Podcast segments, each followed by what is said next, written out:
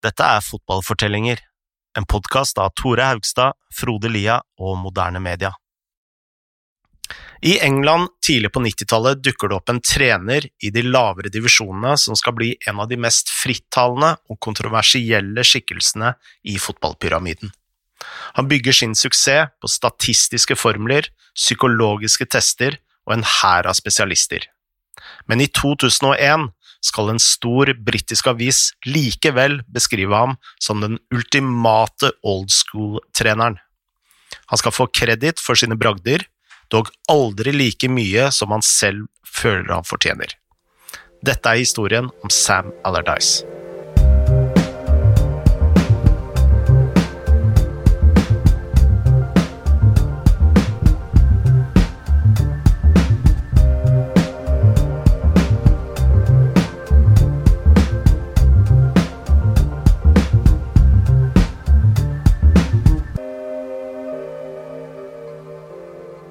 Samuel Allardyce, aka Sam Allardyce, Mhm. ble født i Dudley i eh, Vest-England, i en skotsk familie.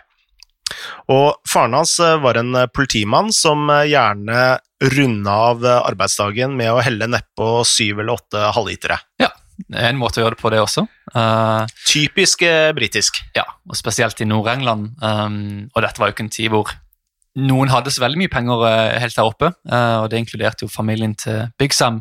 De var ikke fattige, de hadde mat og sånn, men eh, de var ikke så veldig rike heller. Og de hadde faktisk ikke råd til hverken kjøleskap eller bil.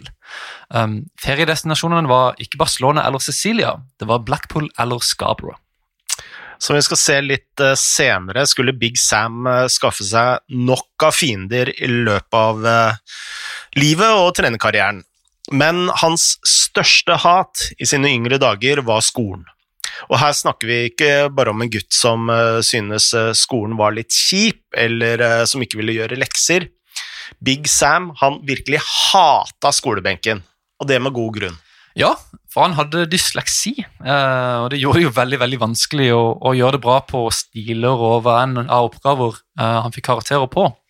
Eh, han kom stadig hjem med oppgaver som var fulle av røde markeringer, og det tærer sikkert litt på selvtilliten og, og gjør det såpass dårlig på skolebenken. Um, og dette har ikke forlatt Allardyce siden. Uh, Senere, da han tok trenerkurs, så måtte kona hans hjelpe han med å stave eh, når han skulle fylle ut skjemaer og masse sånn. Uh, og den dag i dag så blander Big Sam altså mellom ordene som f.eks. no og now, som betyr vite og nå. Da han ga ut en selvbiografi for noen år siden, så beskrev han den siste skoledagen som den beste dagen i sitt liv. Men det var én ting Allardyce eh, likte med skolen, og det var eh, selvsagt gymtimene. Og han eh, drev med veldig mange aktiviteter som fotball, basket, friidrett, svømming og, hold deg fast, gymnastikk.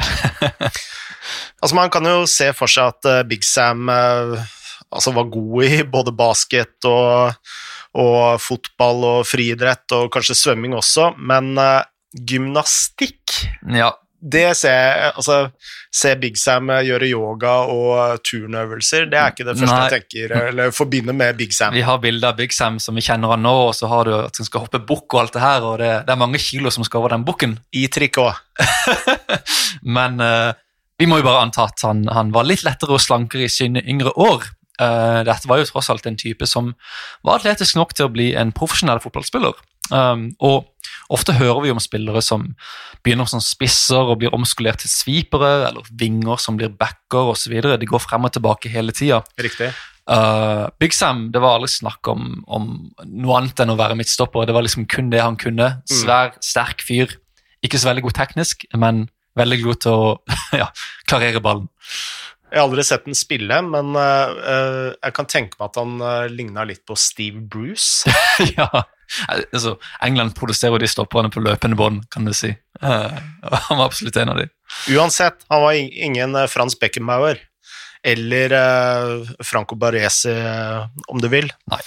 Så Allardyce var da en god, gammeldags eh, bauta som hadde én eneste oppgave, og det var å vinne ballen og klarere den så langt som mulig. Da han var 14 år, så fikk han sin eh, ja, kan jo kalle det første proffkontrakt, eh, for da fikk han eh, faktisk lommepenger for å spille for lokallaget Dudley Town. Og der var oppgaven hans, som tidligere nevnt, å sparke ballen og motstanderen ut av stadion. Ja, helst begge deler. Uh, Allardyce beskriver seg sjøl som en såkalt dirty bastard. Um, og med tanke på hvordan fotballen var i England på den tida, så, så sier jo det litt. Um, i, uh, han sa vel også at uh, Han skrev i boka at ideelt sett så tok du både ball og mann. Rekkefølgen var ikke så viktig.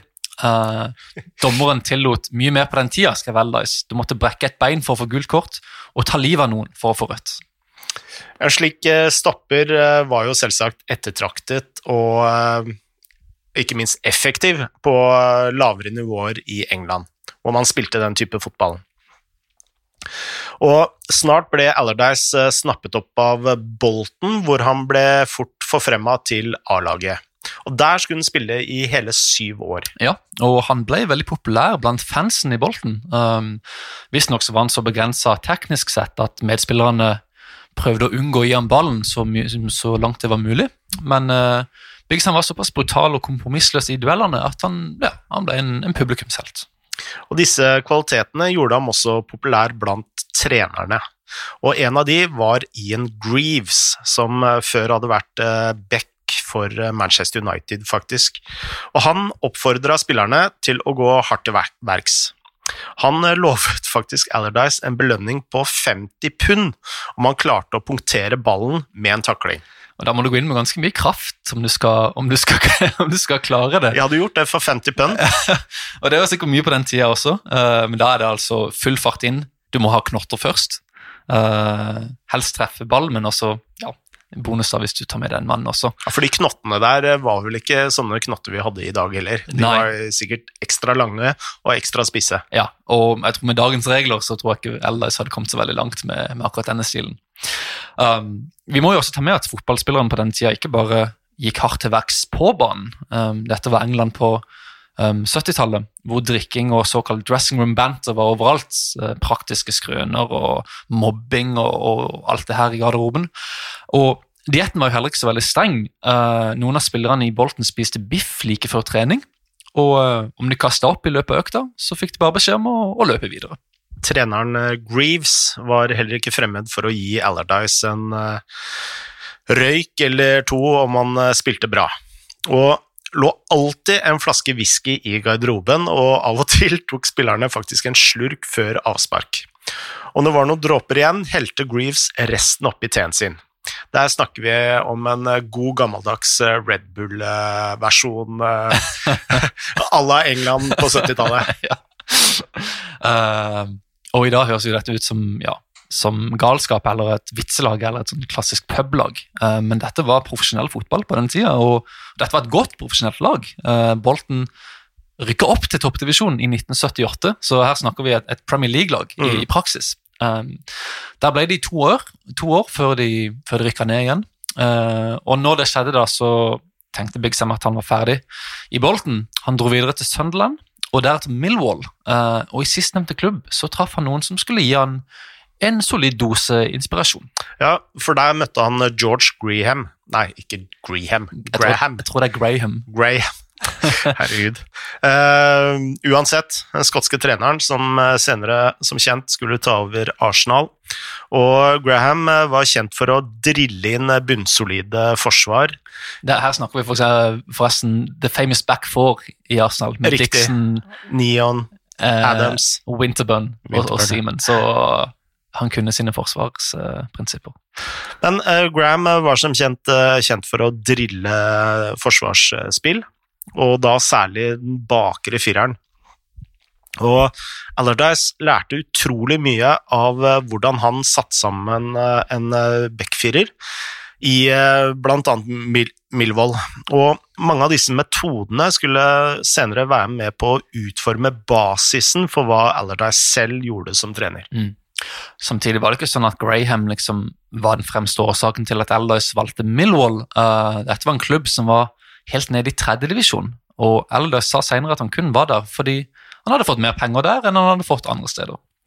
Litt senere da, så ble han likevel lei av livet i, i tredjedivisjon uh, og dro videre til Coventry, som spilte på øverste nivå.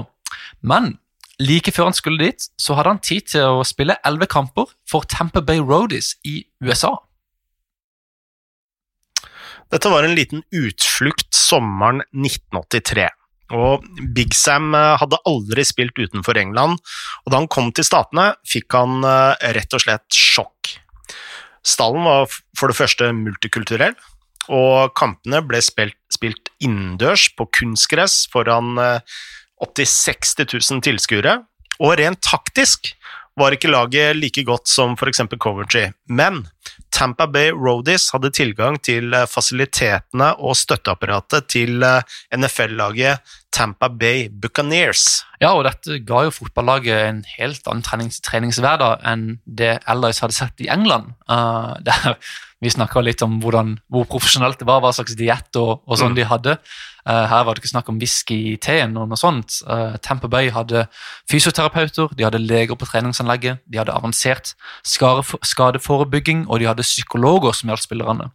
De hadde spesialiserte trenere på forsvar, angrep, teknikk og kondisjon. De hadde analytikere og statistikkfolk. Dette var en, en hærskare av liksom spesialister og folk som liksom skulle støtte opp rundt laget. Mm. Uh, som, et lag som var dårligere enn Coventry. Uh, og Aldice ble utrolig pigg av dette. Uh, da han kom tilbake da, til England, så sa han at han var så pigg at han følte seg som en atlet på doping. og det sier jo litt. Vi kan jo legge til at Buccaneers er vel det laget The Glazers nå eier, eller er eiere for også? Riktig. Som vi snakka om i, i sesong to, var det ja, vel. Riktig. Eh, men eh, Allardyce ble kun ett år i Coventry. Han eh, begynte å dra på årene, og hans neste stopp ble Preston. Altså Når vi nevner alle disse lagene, altså Bolton, Sunderland, Millwall, Preston altså Det er jo en klassisk tippekamp uh, i det. Og litt sånn, litt sånn Big Sam-preg over de også. Uh, all, nesten alle er liksom oppe i nord. Ja. Uh, og den ene som er i London, er liksom Millwall. Ja. den mest brutale eneste som kan sammenlignes med, mm. med Nord-Irland. Men når han begynner å ta, ta fart på trenervirket, og når vi snakker om klassiske tippeligalag, nei, ikke tippeligalag, men tippekamplag, mm. så tar den selvsagt over West Bromwich. Og dette var jo en periode hvor han begynte å planlegge for livet sitt etter fotballen. Så i tillegg til å være reser reservelagstrener for West Brom, så begynte han å investere i flere forretninger.